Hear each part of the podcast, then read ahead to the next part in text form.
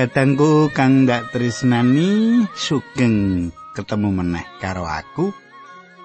Aku pendeta Pujianto tansah ndongaake panjenengan supaya panjenengan tansah pinayungan. Dening Gusti kang murbeng jaket mangkono ya. Lan aku bakal bebarengan karo panjenengan ing sawetara wektu iki yaiku ing adicara katenterman. Adicara kang wis dadi klanglan panjenengan lan panjenengan enti-enti. Nah sugeng midhangetake adicara iki.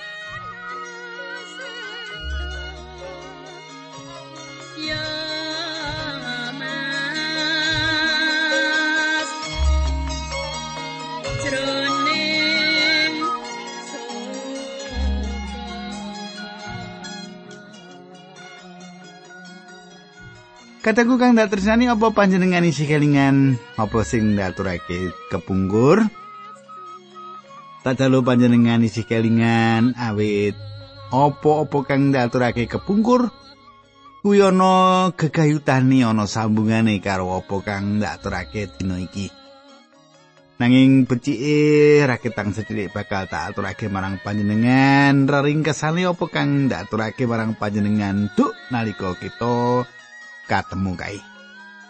Kadangku ing patemon kita kepungkur kita wis nyemak kepriye Yosua mimpin para prajurit ngadepi para raja lan prajurit wong-wong Amori lan bangsa Israel menang.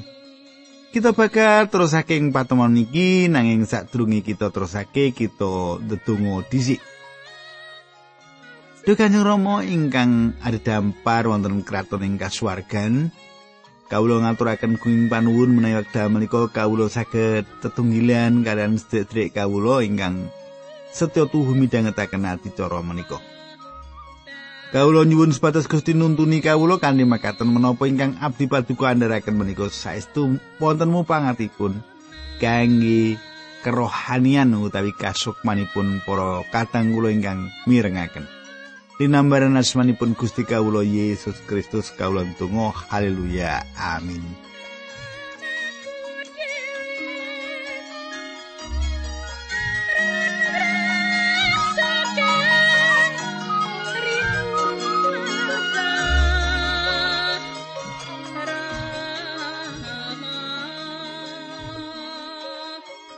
Para pamirsa ingkang ndak tresnani saiki pasinon kita wis ngancik Yosua bab rolas. Pasinon kita wis ngancik Yosua bab rolas ing sakjroning pasar rolas iki. Marang kita diwenehi jeneng-jenenge para raja kang wis dikalahake dening wong Israel.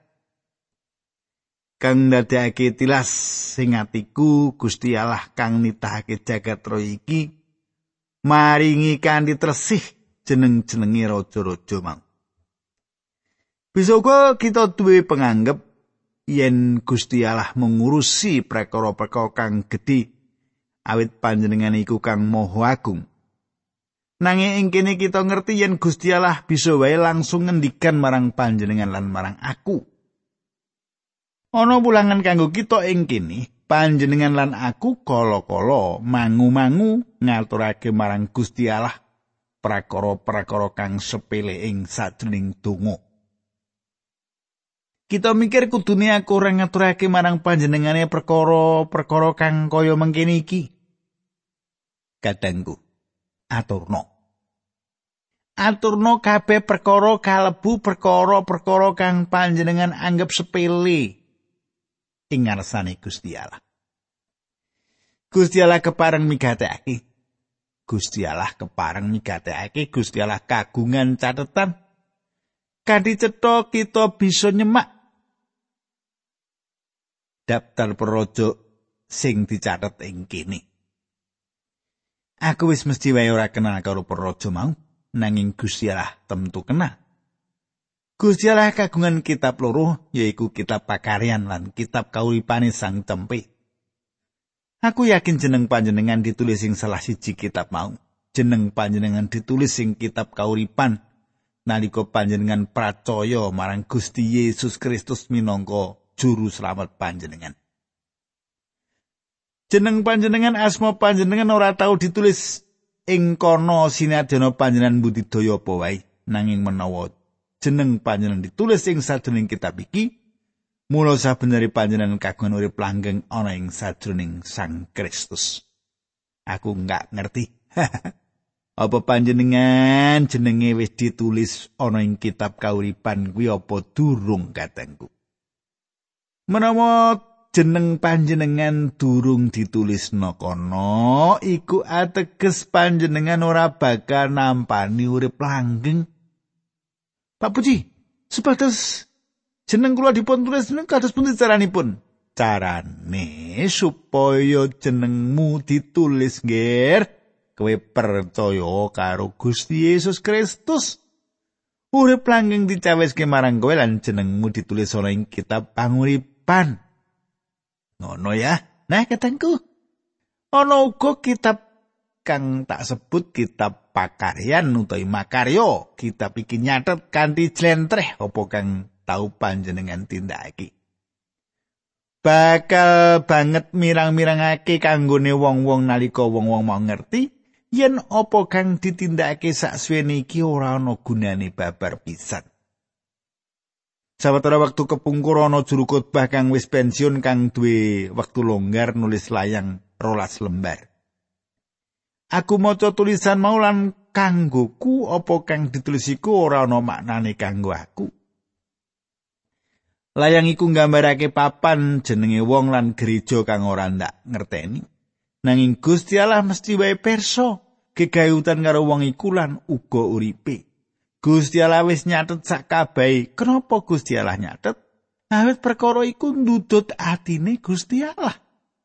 Kajaba kuwi katangku perkara iki mesti wae nambahi sawijining ukuran kang nyata marang urip iki kanggo ngelingake yen saben rincen kekayutan para putrane penting kanggo panjenengane utawa penting kanggone Gusti Allah. Ha, ora krasa kita nganti Yusua telulas. Terus mlaku saiki Yusua pasal telulas. Ayat siji mengkini surasane ing basa pedinan. Bareng Yusua wis tuwa banget banjur dingendikani dening Gusti Allah mengkene Yusua, kowe saiki wis tuwa, mongko isih akeh daerah sing kudu ditelokake. Ya kuwi tak mandek ning kene sik. Kadangku Kita lagi bae nglewati setengah saka isi kitab pikiran kita ngerti yen Yusua wis tuwa lan umure wis akeh. Yusua ora bakal kuwowo mimpin wong-wong Israel wis suwe meneh. Yusua sawijining pemimpin kang digunakake Gusti Allah kanggo ngrebut tanah kuwi nanging perang wis kepungkur. Yusua kira-kira umur 80 tahun nalika Gusti Allah nimbali lan saiki umure luwih 100 taun. Iku ateges Yusua wis mimpin wong Israel ma taun-taun. Wektu rasane kaya cepet banget nalika Yusua ana ing tanah kuwi. Anggone mlaku ing ngororo samun bisa dadi bandingan katone wektune luwih dawa.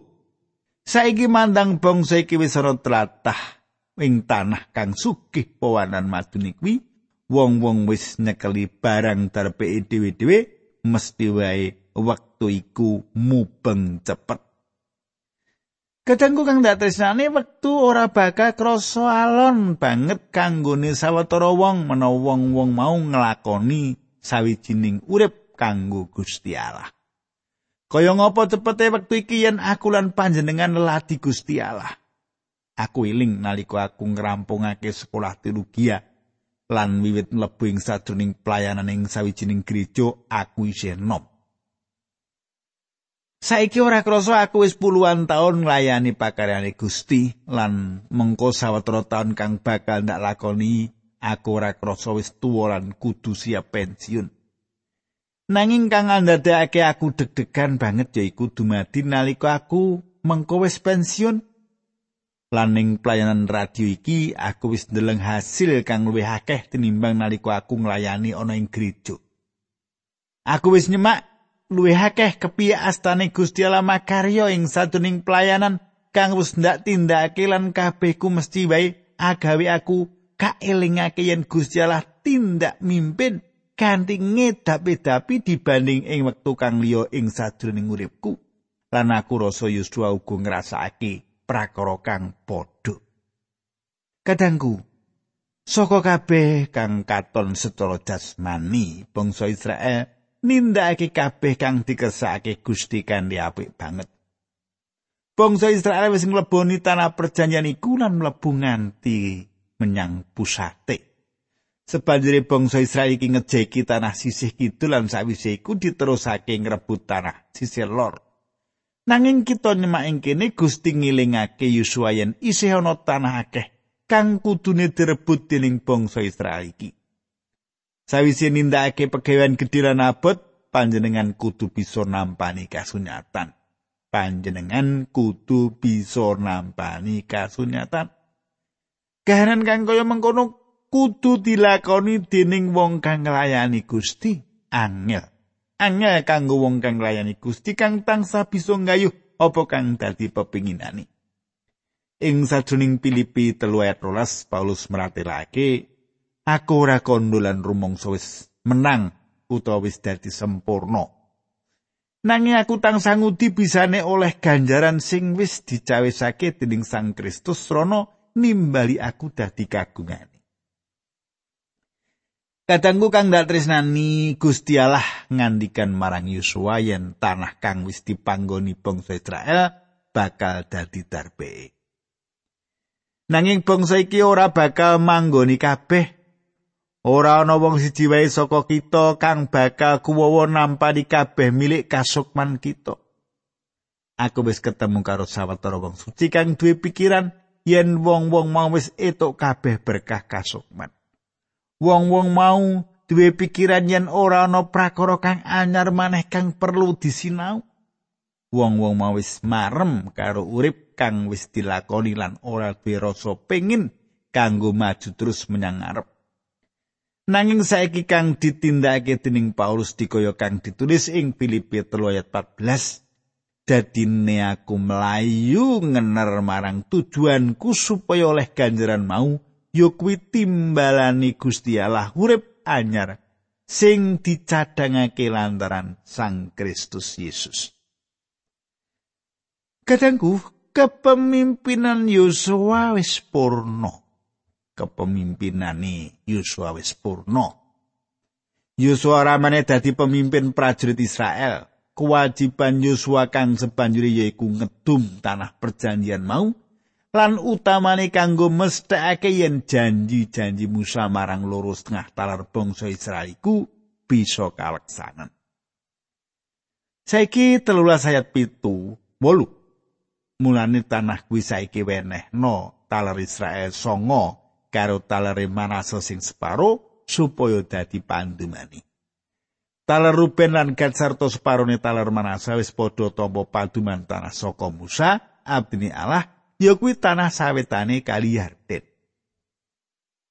Kadangku dawa kang dadi tugas Yosua dikaya kang ditulis sing Yosua 6 ora mung kanggo mimpin bangsa Israel ngejeki tanah kuwi.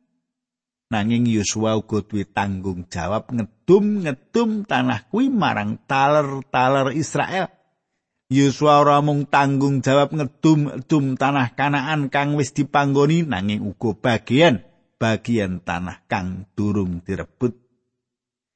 Ketengku saiki ngancik Yuswa bab 14 ya, Yuswa bab 14. Kita bakal nyemak songo taler bakal nampani warisane lumantar kaundi. Kaleb itu tanah ing Hebron kanthi duwe hak istimewa. Kaleb kang dilairake dadi batur tukon dadi telik sandi bebarengan karo Yuswa lan meni laporan kang nyenengake nalika kang sepisanan dhewe bangsa Israel tekaning Kades Barnea. Katangku Manut Yosua 14 ayat 11. Manut Yosua 14 ayat 11. Kaleb wis nemokake wadine kepiye supaya awit enom. Apa to wadine kuwi? Wadine yaiku kang kawitan Kaleb duwe iman ngalekake apa kang wis kepungkur. Kaping pindho Kaleb duwe iman kanggo ngadepi kasunyatan lan sebanjure kang kaping telu Kaleb duwe iman kanggo ngadepi mangsa kang bakal kelakon. Saiki coba panjenengan semak pasal 14 ayat 1 lan loro ing basa pedinan. Mengkene pangedume tanah kenaan sing ana ing saklone kali Yarden marang umat Israel. Sing nindakake Imam Ilyasar lan Yusua bin Nun lan para tetuane trahing saben taler Israel. Kaya sing wis didhawuhake pangeran marang Musa daerah saklone kali Yarden kuwi bagiane taler Israel songo setengah. Pangedume daerah-daerah mau ditetepake nganggo undi. Katangku menawa panjenengan ndeleng gambar Palestina sak dawane dalan saka dan tumuju Barseba. Tanah kuwi didum dadi darbee taler-taler bangsa Israel. Taler Ruben, taler Gad lan setengah saka taler Manase ana ing sisih wetan Kali Yarden. Sebanjure wit saka kidulan ngarah menyang lor kita nemokake taler Simeon, taler Yehuda, talar Benyamin, talar Dan, talar Ibrahim, talar Manase, talar Isakar, talar Jebulon, talar Naftali lan talar Aser. Dal terus ke ayat 5 6 7 8 mengkene surat sani. Kaya mengkono pangedumi tanah kanggo umat Israel kaya sing didhawuhake pengiran marang Musa. Ing sawijining dina ana wong sawetara saka talar Yehuda padha nemoni Yosua ing Gilgal salah sijine ya kuwi Kaleb anake Yefune saka Trahkenas kandhane Kaleb marang Yosua. Yosua, kowe ra isih kelingan apa sing dingendikake pangeran ing Kades marang Musa, utusane Allah bab kowe lan aku?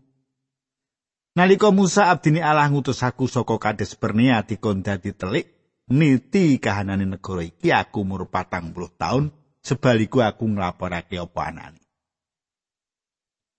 Nanging wong-wong sing padha diutus bareng karo aku padha gawe laporan sing marake wong Israel padha wedi, aku tetep setya marang pangeran Allahku. Kadangku kang dal tresnani Kaleb ya iku wong kang kanthi gumolong ing ati nderek Gusti. Menawa panjenengan kepingin bisa nampani resep umur dawa lan duwe sawijining urip kang becik, ya iki carane. Coba panjenengan semak ayat 10 lan 11. Seprene wis patang puluh lima tahun lawase Gusti Allah nggone ngendika bab kuwi marang Musa. Kelakone mau nalika bangsa Israel lemboro ana ing ora samun, lan saiki apa kang dijanjekake dening Gusti Allah mau kelakon. Panjenengane ngreksa marang aku nganti aku isih urip tekan seprene delengen awakku iki. Umurku wis 85 tahun. Nanging isih rasa kaya dek aku diutus Musa, aku isih saguh maju perang lan nglakoni apa wae.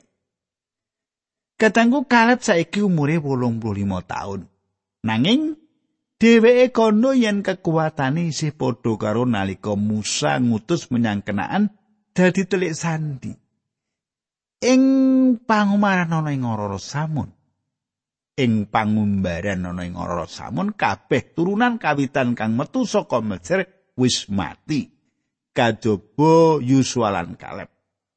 Wong-wong iki bebarengan karo 10 telik sandi kang liyane nglaporake gegayutan karo tanah Kanaan, pitakone yaiku, apa bisa wong Israel ngrebut tanah kuwi?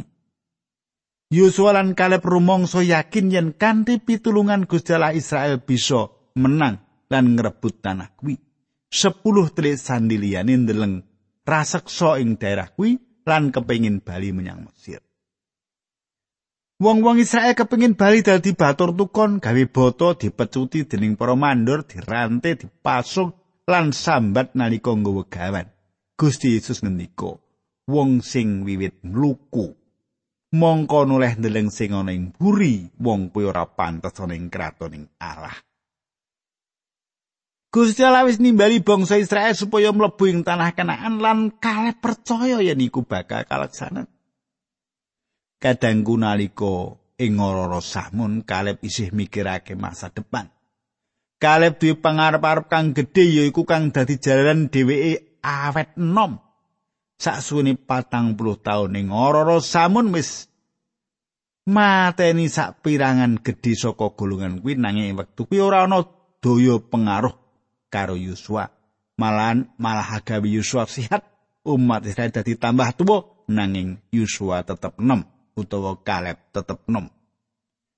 Para raseksa ing tanah perjanjian gawe wong liya ndredeg, wong-wong Israel duwe pikiran yen dhewe kuwi mung walang. Nanging Kaleb duwe pikiran gegayutan karo Gusti Allah. Wong iki wis ngak kawalake saka rasa wedi. Gusti Allah luwih gedhe tinimbang karo para raksasa. Keyakinane marang Gusti Allah uga dadi landesan kang kuat. Kenapa akeh misionaris kang ora ninggalake papan-papan kang kapencil mataun-taun nanging tundone kita bisa ndeleng ana misionaris-misionaris kang kasil. Kadangku apa panjenengan ngrasake kabeh berkah kasukuan kang wis diparingake dening Gusti Allah marang panjenengan saiki? Panjenengan kondo aku ngadepi masalah akeh. Aku ngerti wong Kristen ngadepi akeh masalah ing uripe. Atiku nyengkuyung wong-wong Kristen iki. Akeh kang panjenengan ngresulani lan aku go melu ngrasake. Nanging kepiye karo pengarep-arep panjenengan? Kepiye karo masa depan panjenengan? Kaleb sak suwene patang puluh tahun ing ngororo samun ngerasake berkah kasukman kang diparingake marang dhewe awit Kaleb percaya marang Gusti lan dadi wong kang duwe iman dheweke kondo. Coba panjenengan semak ayat 13. Mulane saiki aku pandumono tanah pegunungan sing dijanjekake Gusti Allah marang aku Ya kuwi nalika aku karo wong-wong sing padha dutus bareng karo aku teko aweh lapuran. Nalika semono aku kondo karo kowe yen ing kono ana bangsa sing pawakane kaya buta, sing diarani wong anakim, wong-wong mau padha manggon ing kutha-kutha gedhe sing dikubengi beteng. Muga-muga Gusti Allah mbiyantu aku nganti aku bisa nglungakake bangsa mau kaya sing dingendikake. Kadangku kang ndak tresnani. Panjenengan isi kelingan ing sajroning kitab perwaning dumati yen Abraham lunga menyang Hebron kang ateges komuni. Iku sawijining papan kanggo tetunggilan. Lan ing sajroning perangan iki kita nyemak yen Kaleb duwe patunggilan karo Gusti Allah lan saiki dhewe kepengin lerem ana ing Hebron. Saiki bab 14 ayat 13 dan 14 mengkene surasane Yuswa nyarujui panjaluki Kaleb anak Yefune lan menehake kutha Hebron dadi pandumani. Seperti dadi tanah pusakane Kaleb anak Yefune wong kenas mergo Kaleb setya marang pangeran alai Israel. Kadangku ing sawijining dina kita bakal nampa sawijining pikurmatan saka Gusti Allah. Kita bakal nampani pikurmatan saka Gusti Allah selaras karo akeh pakarian kang wis kita tindake kanggo panjenengani. Lan iku tentu wae ora gumantung marang kaya ngapa ngidapi-dapi lan anggone kita misuwur. Perkara kang penting yaiku apa panjenengan sabutuhe nderek Gusti, yaiku kang kudune disinau umat Allah jaman saiki, yen perkara kang paling penting ing urip iki yaiku sabutuhe nderek Gusti. Minangka abdi Gusti Allah, Kaleb manggoni Hebron. Akeh wong-wong rasa ing kono nanging Kaleb kondo yaiku papan kang ndak karepake iku sawijining papan kang paling apik. Kadangku muga-muga panjenengan lan aku bisa maju terus menyang ngarep marang timbalan kang luhur dhewe ing sadroning Gusti Yesus Kristus. Amin. Nah, kadangku piye terus Wah, nek ndelok terus yo sok dina candake. Waktune saiki ora nyandak nek diterusake. Nek katengku sadurunge ndedonga aku ngaturake panuwun dumateng Ibu Suyatno. Nggih, Ibu Suyatno. Matur nuwun serat panjenengan Ibu. Nggih, kula matur nuwun pangandikanipun Gusti ingkang Pak andharaken menika mulangaken dumateng kula supados kula nderek Gusti Yesus. Wah, Pak, Mono ing kang panjenengan lantaraken khotbahaken menika maringi katentreman lan kabejan nalika kula ngadepi pancoban. Aduh, matur nuwun Ibu Suyatno. Eh, inggih panji pangandikanipun Gusti menika nggih kagem menawi kita nampi coban ing urip ngaten menika nggih. Ah, iso nguwataken nggih. Nek katangku, ayo kita ndedonga sesarengan. Duh Kanjeng Rama ing swarga, matur sembah nuwun sanget. Menawi kawula saged nampi seratipun saking salah satunggalipun ibu kala wau bilih menapa ingkang dipun pirengaken pangandikanipun Gusti ngadicara margi utami menika saestu saged dados kegiatan. Mboten namung Ibu Suyatno kemawon nanging sedaya sederek kawula ingkang ngadepi permasalahan supados paduka kiyataken kanthi pangandikan paduka. Dinambaran asmanipun Gusti Yesus Kristus kawula ndedonga haleluya amin